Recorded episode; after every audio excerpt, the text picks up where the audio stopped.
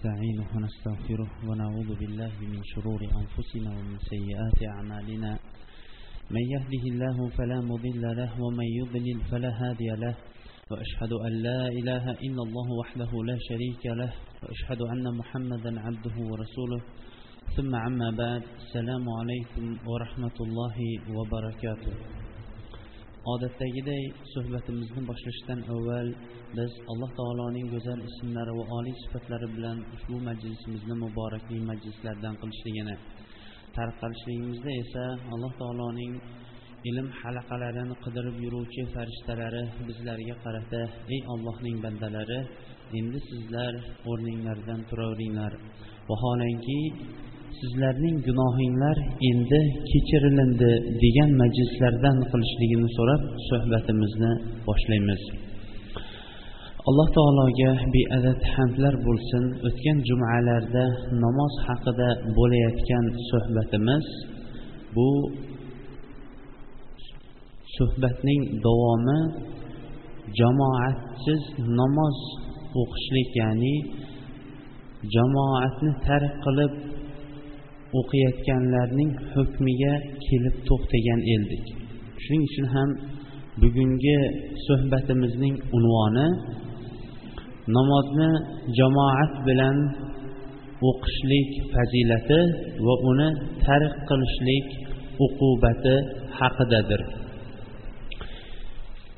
Alloh subhanava taolo namozni barpo qilishligimizga buyurar ekan bu barpo qilinayotgan namozlar o'zining uyida bo'lishlikka bizlarni buyurdi. Qur'oni karimda ruku qiluvchilar bilan birga ruku qilinglar deganligi ham bu jamoatga kelishlikka bo'lgan ishora edi. Alloh taolo boshqa amallarni bir necha bor uning savobini ulug' qilib berganiga o'xshash jamoat bilan o'qilgan namozning savobini ham bir necha barobar savobini ortiq qilib berdi yolg'iz o'qilingan namozdan. bu haqida muttafaqun alayh bo'lgan hadisda abdulloh ibn umar roziyallohu anhu قال أن رسول الله صلى الله عليه وسلم قال صلاة الجماعة أفضل من صلاة الفرد بسبع وعشرين درجة ya'ni payg'ambarimiz alayhissalom bu hadisda aytdilarki jamoat bilan o'qilingan namoz yolg'iz o'qilingan namozdan yigirma yetti barobar ortiqdir dedilar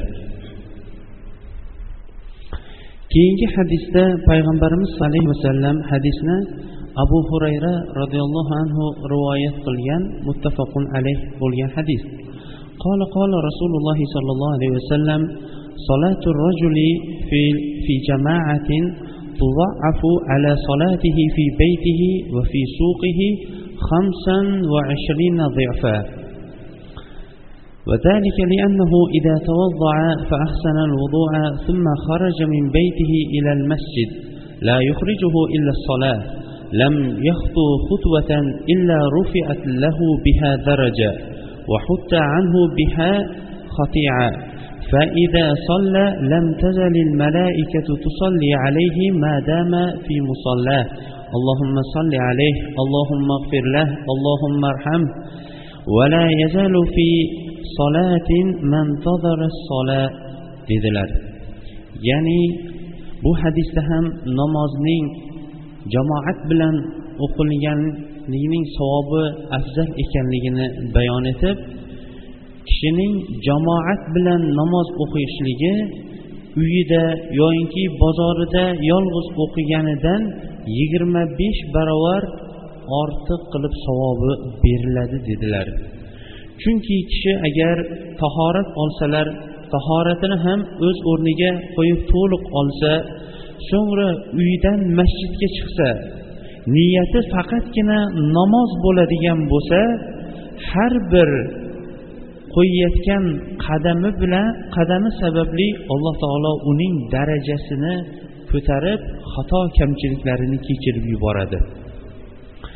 Agar masjidga kelib namoz o'qiydigan bo'lsa va namoz o'qiladigan o'sha o'rinda o'tiradigan bo'lsa farishtalar unga duoyu salovat aytib turib alloh taologa duo qilib turar ekanki iloyo buni o'zing salomat saqla. Iloyo uni o'zing mag'firat qil. Iloyo buni o'zing rahmatingga ol. Bu kishi namozni kutib o'sha namoz o'qigan o'rinda o'tirar ekan namozni o'qiyotgan kishilarday bab barobar to'liq savobini oladi dedilar. Mana bu jamoat bilan o'qiy namozni o'qiydigan kishilar uchun berilingan savob. Agar kishi namozga ertaroq kelib yoyinki namozdan keyin qolib namoz sababligina masjidda o'tirar ekan o'sha o'tirishligini ham alloh taolo xuddi namoz o'qib turganlar qatorida savobini yozar ekan. Avvalgi hadisda yigirma yetti barobar keyingi hadisda esa yigirma besh barobar savobi yolg'iz o'qilgan namozdan jamoat bilan o'qilgan namozning afzalligi bayon qilingan.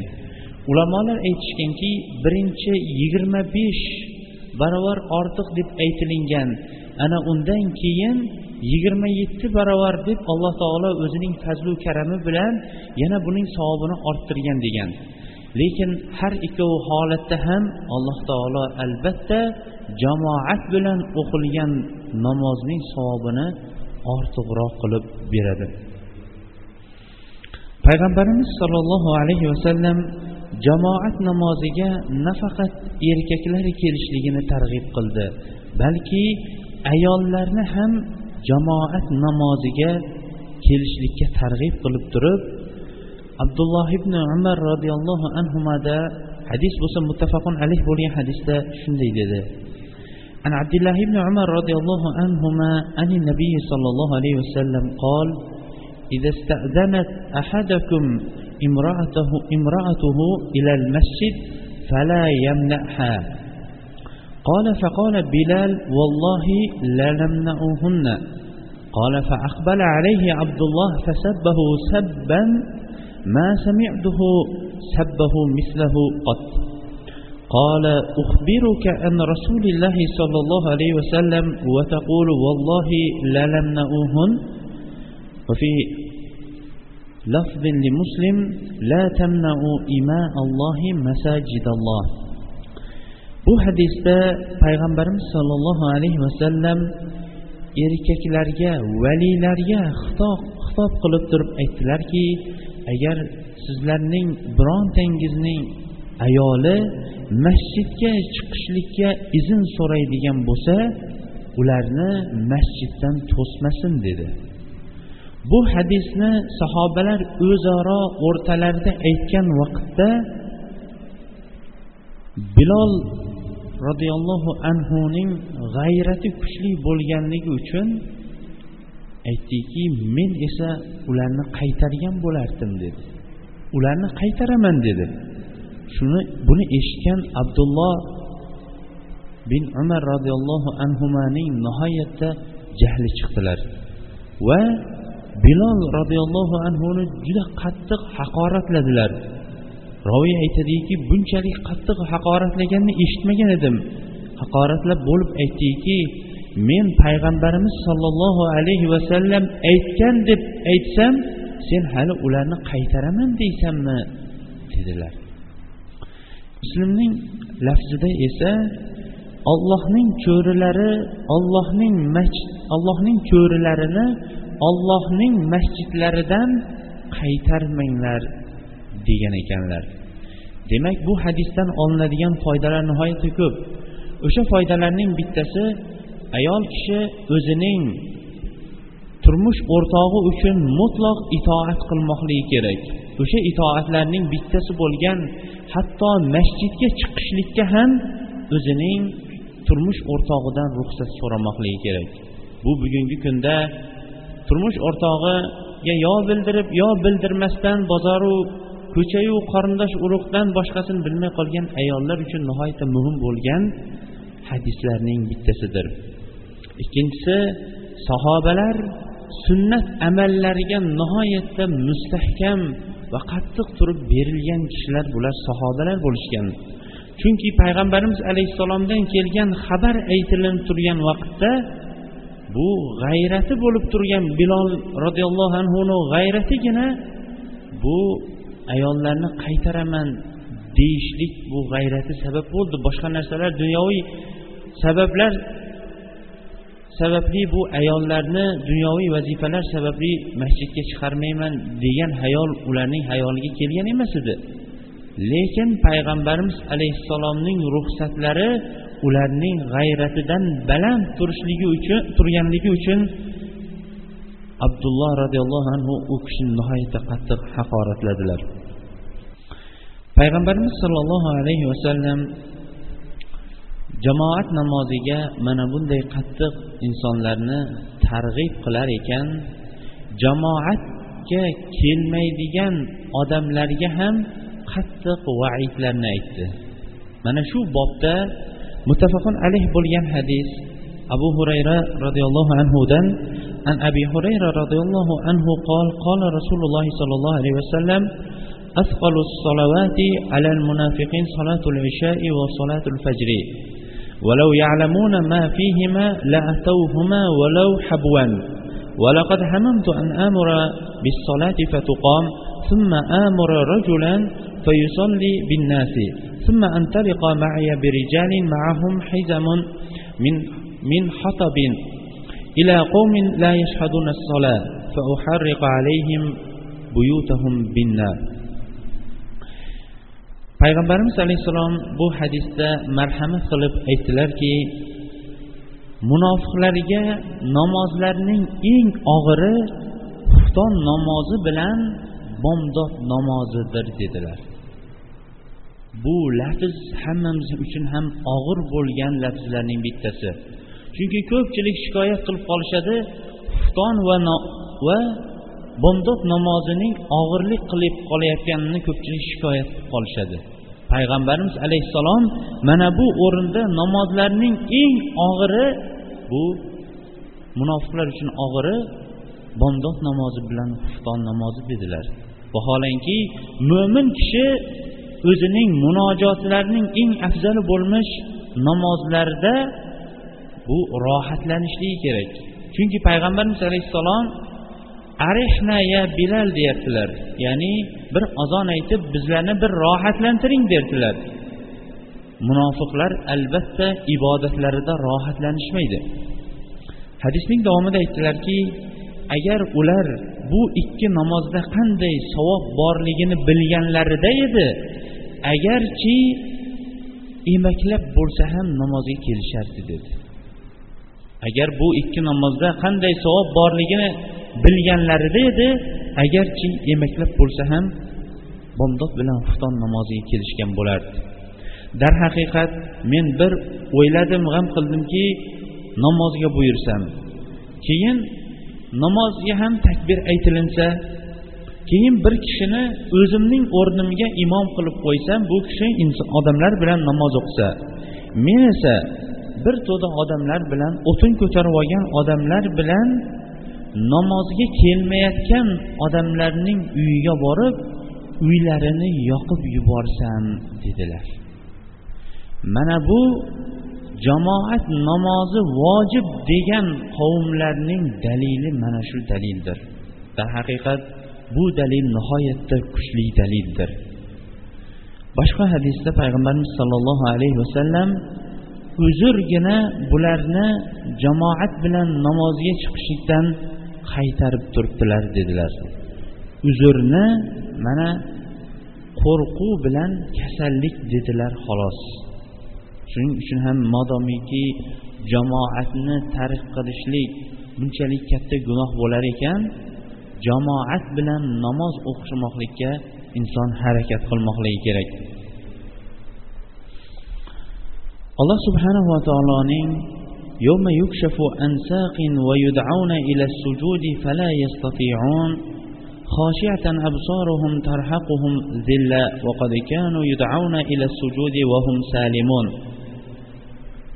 oyatini jumhur mufassirlar jamoat namozini tark qilganlar haqida nozil bo'lgan deyishgan ekan. Ya'ni ma'nosi shuki qiyomat kunida alloh taolo o'zining soqini ochadi. Uning kayfiyati va qanday bo'lishligi bizlar uchun noma'lum lekin o'zining soq boldirini ochishlikni bizlarga xabarini beryapti. Va o'sha o'rinda butun haloyiq sajda qilishlikka buyuriladi. Dunyoda allohga xolislik bilan allohga ibodat qilib namoz o'qiyotganlargina mana shu kunda allohga sajda qila oladi. Boshqalar ular sajda qilisha olmaydi. Xo'ja ko'rsinlik riyo bilan namoz o'qiyotganlar yoyinki ixlosi bo'lmaganlar mana bular qodir bo'lisha olmaydi. Ular qo'rqqanlaridan ko'zlarini har tomonga alak chalak qilishadilar. Chunki sajda qila olmaganlaridan keyin ular mana shunday qo'rquv oladi ularni. Ular salomat turgan vaqtlarida sajda qilishga dunyoning o'zida chaqirilgan edi. Lekin dunyoning o'zida ular ijobat qilmaganliklari uchun bugun ular sajda qila olmadi deydi. Ibrohim taymiy aytgan ekanlarki bu oyatning tafsirida ya'ni azon bilan takbir ularga aytilinib turadiyu lekin ular kelmayotgan bo'lsa mana shular qiyomatda sajda qilolmaydi desa said ibn musayyab rahimaulloh aytgan ekanlarki ular har kuni hayya ala sola namozga kelinglar hayya alal fala najotga kelinglar deganini eshitib tursa ham namozga najotga kelmaganlar qiyomat kunida mana shu ahvolda bo'ladi deyishgan ekan. Kabunul axbor aytgan ekanki allohga qasamki bu oyat jamoat namoziga kelmayotganlar haqida nozil bo'lgan. Bundan ham qattiqroq jamoatga kelmayotganlar uchun og'ir vaid bormi degan ekanlar. Payg'ambarimiz sollallohu alayhi vasallamga bir ko'zi ojiz kishi keldi deydi imom muslim rahimaulloh jomiyasidagi sahih bo'lgan hadisda فقال يا رسول الله ليس لي قاعد يقودني إلى المسجد. وسأل النبي صلى الله عليه وسلم أن يرخص له أن يصلي في بيته فرخص له. فلما ولى دعاه فقال هل تسمع النداء بالصلاة؟ قال نعم. قال فأجب. ورواه أبو داود عن أمر بن أم مكتوم. Amr ibn ummu maktum bir kishi payg'ambarimiz sollallohu alayhi vasallamga keldilar. Bu kishining ko'zi ojiz edi. Aytdilarki ya rasululloh men mana bu ko'rib turganingizdek ko'zim ojiz va meni masjidga yetaklaydigan odamning o'zi yo'q deb payg'ambarimiz alayhissalomdan uyda namoz o'qishlikka ruxsat berishlik uchun ruxsat so'radilar. Payg'ambarimiz alayhissalom unga avvalida ruxsat berdilar. Endi bu kishi o'girilib qaytib ketayotgan edi qaytib chaqirdilar va aytdilarki namozga azon aytilayotganini eshitasizmi dedi. Ha eshitaman deb javob berdi. Shunda unday bo'lsa ijobat qiling dedilar. Keyingi abu dovud rahimaulloh mashhur sahobalardan bo'lmish lekin ko'zi ojiz ibn ummu maktum roziyallohu anhuning ham payg'ambarimiz alayhissalomga kelib ya rasululloh madinada nihoyatda ko'p yirtqich va zararkunandalar ko'p. Men esa ko'rib turganingizdek ko'zim ojiz. Mening hovlim uyim esa masjiddan uzoqroq. Va yetaklovchim boru lekin menga bir durust muomala qilmaydi vaqtida yetaklamaydi. Men uyimda namoz o'qishlikka menga ruxsatmi dedilar. Shunda payg'ambarimiz alayhissalom hal tasmaunida ozonni eshitasizmi? dedi. Qolanam qola faajib fa inni la ajidu laka ruxsa dedilar.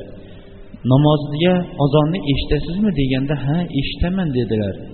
Aytdiki agar eshitadigan bo'lsangiz azonga ijobat qiling. Ya'ni namozga keling. Chunki men sizga uyingizda namoz o'qishlikka ruxsat topa olmayman dedilar. Mana bu ko'zi ojiz. Uni yetaklovchisi yo'q bo'lgan kishining kishiga bo'layotgan javob. Ibn abbos roziyallohu anhudan kunduzlari ro'za tutib kechalari kechalari namoz o'qiydigan lekin jamoatga kelmaydigan kishi haqida so'ralganda nihoyatda og'ir gapni gapirgan ekanlar. Aytgan ekanlarki agar shu holatcha vafot etib ketadigan bo'lsa bu jahannam ahlidan bo'lib qoladi degan ekanlar bu kechalari tahajjud bilan kechalarni kunduzlarini esa bu ro'za bilan o'tkazgan lekin jamoatga kelmaydigan odamning ahvoli. Mana bu oyat va hadislardan tarbiyalangan sahoba va tobiinlarning ozgina hayotlariga ham to'xtab o'tamiz. Abu hurayra roziyallohu anhu shunday degan ekanlar bu bobda. Odam farzandining qulog'i bu qo'rg'oshindan iborat bo'lgan o'qlardan to'lib ketishlik o'qlar bilan to'lishligi afzaldir ozonni eshitib turib ijobat qilmaganidan degan ekanlar. Ibn abbos roziyallohu anhu ابن عباس رضي الله عنهما قال قال رسول الله صلى الله عليه وسلم من سمع المنادي بالصلاة فلم يمنعه من اتباعه عذر. قيل وما العذر يا رسول الله؟ قال خوف أو مرض لم تقبل منه صلاة التي صلى يعني في بيته. bu hadisni abu dovud ibn hibban o'zlarining sahihlarida va ibn majja rivoyat qilgan.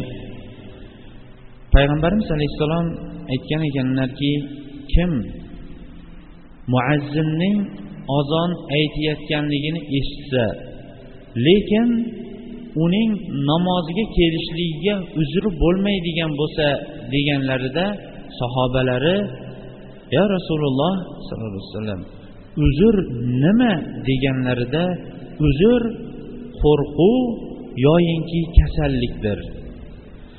Agar mana shu uzr topilmaydigan bo'lsa u uyda o'qigan namozi namoz bo'lmaydi degan ekanlar. Imom hokim o'zining mustadrakida ibn abbos roziyallohu anhudan rivoyat qilgan hadisda qola qola rasululloh sollallohu alayhi vasallam وثلاثة لعنهم الله. من تقدم قوما وهم له كارهون وامرأة باتت وزوجها عليه ساخط. ورجل سمع حي على الصلاة حي على الفلاح ثم لم يجب. فيغمبر صلى الله عليه وسلم ايتلار الله تعالى üç toifa kishini لدى برنس آدم لر ko'rib tursa ham o'zi oldinga chiqib imom bo'lib olgan odam.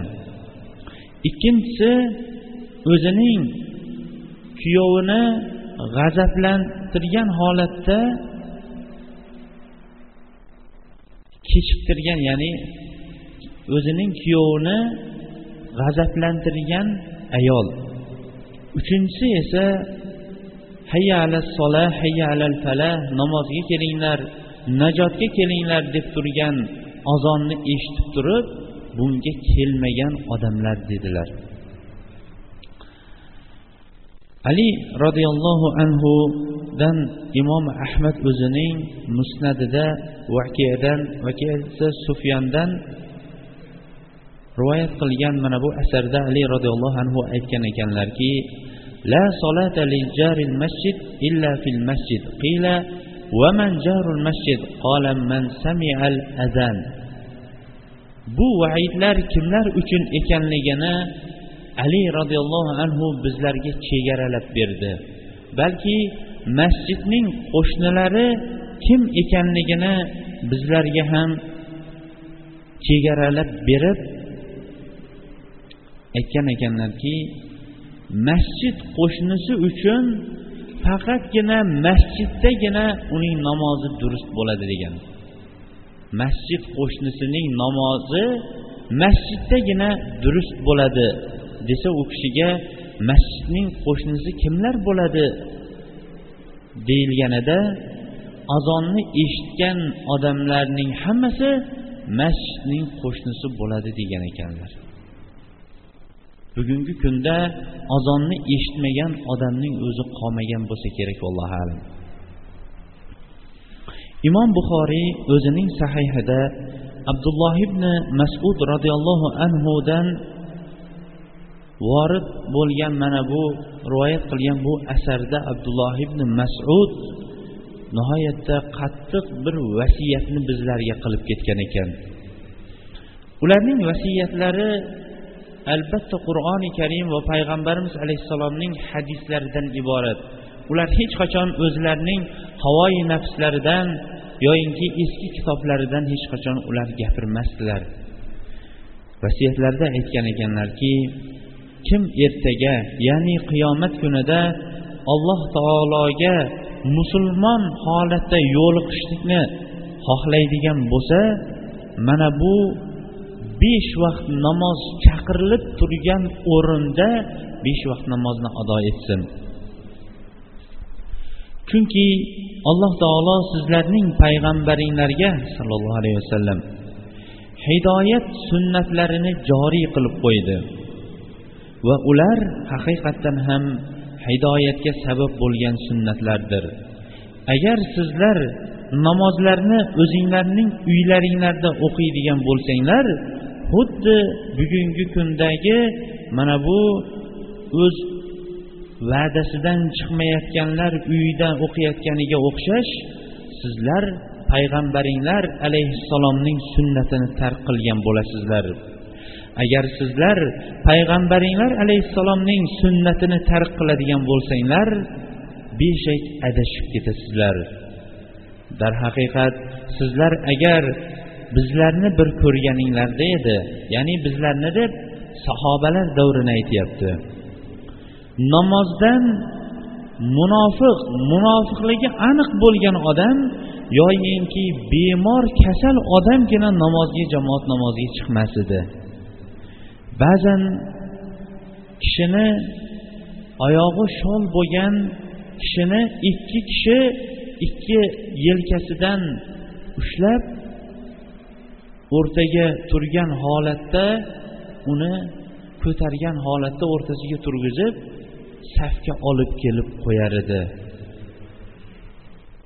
Yoyinki u o'sha holatda bo'lsa ham jamoat bilan namoz o'qishlik uchun mana shu holatda ham chiqar edi degan ekanlar. Darhaqiqat payg'ambarimiz sollallohu alayhi vasallam bu asar ham buxoriyda bir kuni agar sahobalar ko'rinmay qoladigan bo'lsa darrov ularni so'rar edilar. Xosatan bomdod namozida. Bir kuni sahobalarning bittasini ko'rmaganligidan xavotir olib orqasidan odam jo'natdilar. Keyin kelib aytdiki bizni uyimizda sahobaning qarang uzurini bizni uyimizda ko'chaga chiqib kiyishlikka bu munosibroq bo'lgan bittagina libos bor. Ba'zan namoz vaqtining namozlarning bittasida bu libosni kiyib men chiqsam keyingi namozda ahlim o'sha libosni kiyib chiqqanligi sababli men namozga chiqa olmadim deb o'zini uzrlarini aytgan ekanlar. U vaqtdagi uzrlar bilan bugungi kundagi uzrlar nihoyatda o'rtada katta farq bor. Lekin o'sha jasadlar o'sha jasadlar lekin o'sha vaqtdagi iymon va amal bugungi vaqtdagi iymon va amaldan ancha o'zgachadir. Alloh subhanava taoloning go'zal ismlari va oliy sifatlari bilan hammamizni ham bu namozlarni alloh taolo buyurganiday va payg'ambarimiz alayhissalom ko'rsatganiday mana bu nido qilingan o'rinda masjidlarda ado qilishlikka alloh taolo hammamizni ham muyassar qilsin. Savol tushibdi. Assalomu alaykum domla va alaykum assalom va rahmatullohi va barakatuh ayol kishi eri bilan arazlashib o'z uyida uch to'rt oy turib qolsa nikoh buziladimi? Agar o'sha arazlashgan vaqtida qo'ydi chiqdi degan ba'zi bir gaplar o'tgan bo'lsa masalan er kishi bu taloqning aslida ikkita lafzi bor. Birinchi lafzi kinoyalardan iborat. Ikkinchi lafzi esa ochiq taloq lafzidan iborat. Kinoyalardan iborat masalan uyingizga keting yoyinki ikkovishingizni yig'ishtirib qo'ying. Va mana shunga o'xshash kinoya. Ochiq lafz emasu kinoya. Agar mana shunga o'xshash kinoyalarni aytgan bo'lsa bundan qozi niyatini so'raydi. Agar niyati qo'rqitib qo'yish bo'lsa o'rtada hech narsa bo'lmaydi. Lekin niyati talog'u lekin lafzida kinoya bo'lgan bo'lsa o'rtaga bir taloq tushadi. Tushunarli bo'ldi? Ikkinchi lafzi ochiq taloq lafzi. Taloq qildim degan bo'lsa o'sha arazlashishdan avvalgi qo'ydi chiqdi gaplari ichida bu ham bir taloqqa tushadi. Allohu alam. Alloh taolo hammamizni ham oilalarimizni va xonadonlarimizni tinch to'y yashashlikka alloh taolo muyassar qilsin. Subhanakallohumma bihamdik. Ashhadu an la ilaha illa anta astag'firuka va atubu ilayk. Alloh taoloning go'zal ismlari va oliy sifatlari bilan hammamiz ham ibodatlarimizni mana alloh taolo buyurganidek va bu musulmonlarning shiori bo'lmish jamoat bilan o'tashlikka muyassar qilishligini so'raymiz. Alloh taolo bemorlarimizga o'zi shifo bersin. Bu har xil illat va kasalliklardan alloh taolo o'zi saqlasin va dardmanlarga dardini bersin qarzdorlarni qarzlarini o'tashlikka alloh taolo o'zi muyassar etsin va bu dehqonlarimiz mana bugungi kunda yig'ib olayotgan bu ekin tikinlarga alloh taolo o'zining barakotini ato etsin. Allohning haqqini ado qilishlikdan ham bular unutib qolishmasin. Ana undan keyin topganlarini faqatgina alloh taolo rozi bo'ladigan o'rinlarga sarflashga hammamizga ham muyassar etsin subhanakallohumma bihamdik ashhadu an la ilaha illa anta astag'firuka va atubu ilayk bi rahmatika ya arhamar rohimin bu yerda bizga yana bitta iltimos yozishibdi eshikda o'tirgan singlimiz bo'lsa kerak maratu va nafisa debdi من يهده الله فلا مضل له ومن يضلل فلا هادي له واشهد ان لا اله الا الله وحده لا شريك له واشهد ان محمدا عبده ورسوله ثم عما بعد darhaqiqat alloh subhanahu va taolo payg'ambari muhammad sollallohu alayhi vasallamning tili bilan mana tepada zikr qilgan muttafaqun alayh bo'lgan hadisda jamoat bilan o'qilingan namozning savobi inson yolg'iz o'qigan namozidan yigirma yetti barobar ortiq bo'lishligini bizlarga xabarini berdi. Bir vaqt o'qilingan namozning savobi yigirma yetti barobar. Bu alloh taolo bilan bo'layotgan tijoratdagina mana shunday unumli va ko'p foydalar bo'ladi xolos. Boshqa tijoratlarni agar tekshirib ko'ring birga ikki birga uch foyda bo'lishligini hech ham eshitganmisiz? Ammo olloh bilan bo'layotgan bu tijorat biriga yigirma yetti. Bugungi kunda hamma ham tijoratni bilgan bir vaqtda agar dunyoning narigi chekkasida yo falon bir o'rinda siz olib borgan bu mollar biriga to'rt biriga besh qolarkan desangiz hamma ham o'sha yoqqa borayotganligini o'sha yoqqa borayotgan yoki o'sha yoqqa borib tijorat yo amal qilmayotgan odamlarni e bular ahmoqlar bular orqada qolib ketgan degan vaidlar ularning ustiga tushayotganligini shohidi bo'lasiz.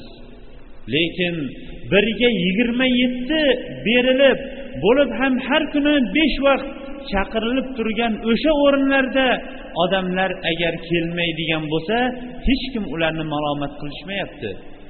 Hech kim mana bu o'rinda katta tijorat ketyapti bu tijoratdan foydalanib qolinglar bu vaqtincha vaqtincha bo'lgan bir mavsumlik tijorat deyayotgan odamlarning o'zi bo'layotgani yo'q.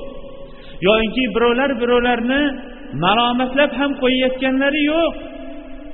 Bu ham jamoat bilan namoz o'qishlikdagi islomning shiorlarining bizda ko'tarilib ketgan alomatlarining bittasi bo'lsa kerak.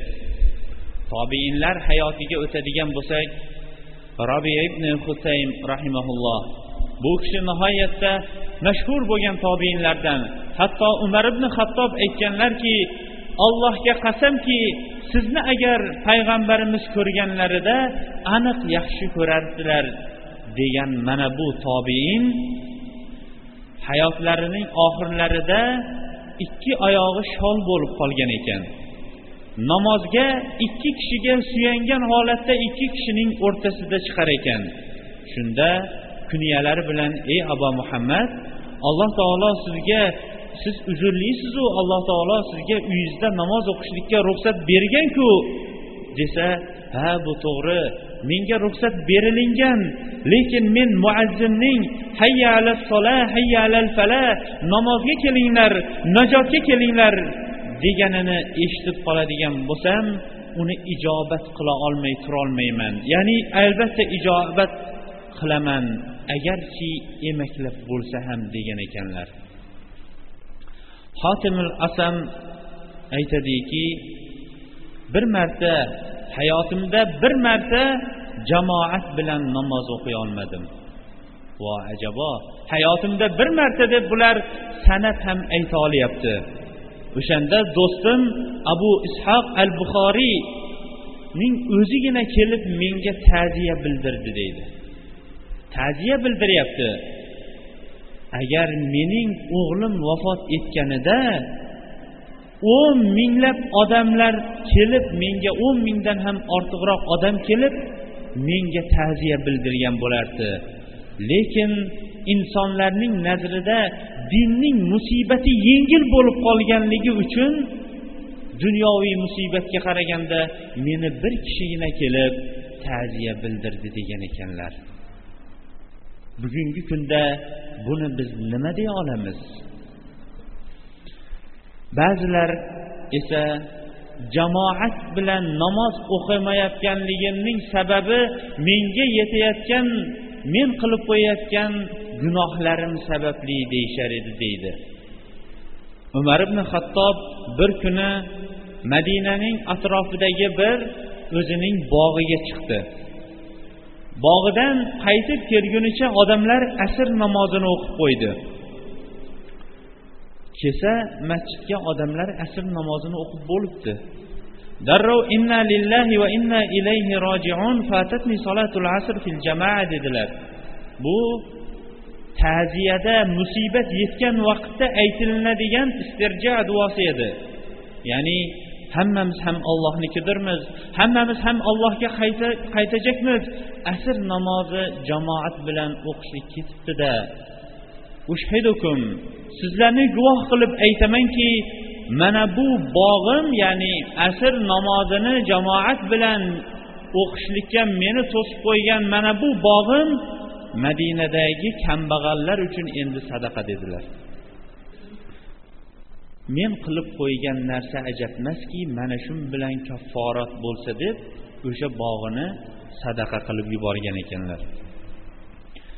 Imom buxoriy imom muslim va boshqa muhaddislarning ustozi bo'lmish ubaydulloh ibn amir al qavoririy rahimaullohning mana bu hikoyasi darhaqiqat quruq hikoya emas lekin hayotida bo'lib o'tgan ayni haqiqat va ko'pchiligimiz uchun esa achchiq haqiqatdir. Aytadiki men jamoat bilan xufton namozini doim jamoat bilan o'qirdim. Bir kuni kechqurun menga mehmon kelib qoldi. O'sha mehmonlar bilan ovora bo'lib qolib janoz jamoat bilan xufton namozini o'qishlikdan kech qoldim. Va xufton namozi bilan jamoat bilan o'qiy olmadim. Xufton namozini kechiktirib o'qiydigan biron bir masjid qolgandir deb turib shahardagi ya'ni basra shahridagi masjidlarning hammasini aylanib chiqdim. Insonlarning hammasi namoz o'qib bo'lgan ba'zi masjidlarning eshigi qulflanib qolgan endi topdim. Keyin uyga keldim. Va payg'ambarimiz alayhissalomning jamoat bilan o'qilgan namozi yolg'iz o'qilgan namozidan yigirma yetti barobar ortiq degan hadisini eslab xufton namozini yigirma yetti yigirma yetti marta qayta takrorlab o'qidim deydi. So'ngra uxladim tush ko'rdim. Tushimda men bir otliqlar bilan chopishib ketyapman. Otliqlar chopyapti. Mening otim ham chopyapti. Lekin boshqa otliqlar mendan o'tib ketyapti. Men otimni qattiqroq qamchi berib ularga yetib olishlik uchun harakat qilyapman lekin yeta olmayapman. Shunda mendan o'tib ketayotgan chopib o'tib ketayotgan kishilarning bittasi menga qarab otingizni ko'p qiynab qo'ymang baribir bizga yeta olmaysiz dedi. Men ajablanib nima uchun? dedim. Aytdiki chunki biz xufton namozini jamoat bilan o'qidik. Siz esangiz bir yolg'iz o'zingiz o'qidingiz dedi. Uyg'onib ketibman. Uyg'onsam nihoyatda hamma joyim og'ir g'amgin holatda uyg'ondim deydi. Yigirma yetti barobar o'zi yigirma yetti marta takror o'qisa ham lekin ularning darajasiga yeta olmagan mana bu katta olim obid kishining ahvoli shu bo'ladigan bo'lsa bizning ahvolimiz nima bo'larkan darhaqiqat bizlardan ham ko'p jamoat namozlari o'tib ketdi.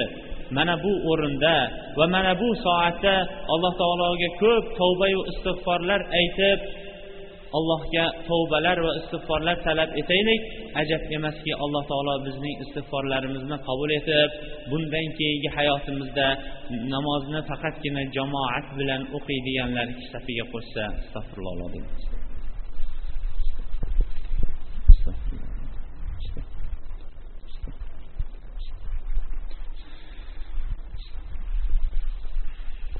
الحمد لله والصلاة والسلام على رسول الله وعلى آله وصحبه ومن اهتدى بهديه إلى يوم الدين jamoat namoziga mutloq intilishlik va harakat qilishlik bu mo'min kishilarning shioridandir ammo bomdod bilan xuftonga ko'proq harakat qilishlik bu mo'min kishining dasturi bo'lmoqligi kerak chunki payg'ambarimiz sollallohu alayhi vasallam inna hatayni solatayni asqalu solavati alal munafiqin ya'ni العشاء والفجر ولو يعلمون ما فيهما من العجر لأتوهما ولو حبوا dedilar ya'ni bu ikkita namoz xufton bilan bomdod namozi munofiqlar uchun eng og'ir bo'lgan namozdir agar ular xufton bilan bomdod namozida qanday buyuk ajr va savob borligini bilganlarida edi agarchi emaklab bo'lsalar ham namozga kelishgan bo'lardilar ibn umar roziyallohu anhu aytadiki كنا إذا تخلف منا إنسان في صلاة العشاء والصبح في الجماعة أسأنا به الظن أن يكون قد نافق يعني agar bizdan ya'ni sahobalarni qasd qilyapti xufton yo bomdod namoziga jamoatga kelmay qoladigan biron bir inson topilib qoladigan bo'lsa unga endi yomon gumon qila boshlardik munofiq bo'lib qolmadimikin degan gumonga borib qolardik deydi. Darhaqiqat yozning uzun kunu qisqa tunlarida umumiy boshqa inson charchagan vaqtlarida mana bu namozlar bu insonga og'ir bo'lib qolishligini ko'pchilik shikoyat qilib qoladi. Mana shu o'rinda buyuk oldinda turgan ajru savobni eslasin. Agar og'irlik qiladigan bo'lsa darrov iymoniga qaytsin chunki iymoni bir zaiflashib nifoqqa yaqinlashib qolayotganligidan qo'rqsinda bu namozni payg'ambarimiz alayhissalom arihna ya bilal bizni bir rohatlantiring ey bilol deganday rohatlanib o'qishlikka harakat qilsin. Darhaqiqat payg'ambarimiz sollallohu alayhi vasallam bizlarni mana bu juma kunida o'ziga ko'p salotu salomlar yo'llashligiga buyurganlar. Bu kunda u zotga namozlarni jamoat bilan o'qishlikka o'rgatgan va targ'ib qilgan zotga ko'p salotu salomlar yo'llaylik. اللهم صل على محمد وعلى آل محمد كما صليت على إبراهيم وعلى آل إبراهيم إنك حميد مجيد اللهم بارك على محمد وعلى آل محمد كما باركت على إبراهيم وعلى آل إبراهيم إنك حميد مجيد ربنا لا تزغ قلوبنا بعد إذ هديتنا وهب لنا من لدنك رحمة إنك أنت الوهاب ربنا آتنا في الدنيا حسنة وفي الآخرة حسنة وقنا عذاب النار وصلى الله تعالى خير خلق محمد وعلى آله وصحبه أجمعين برحمتك يا أرحم الراحمين.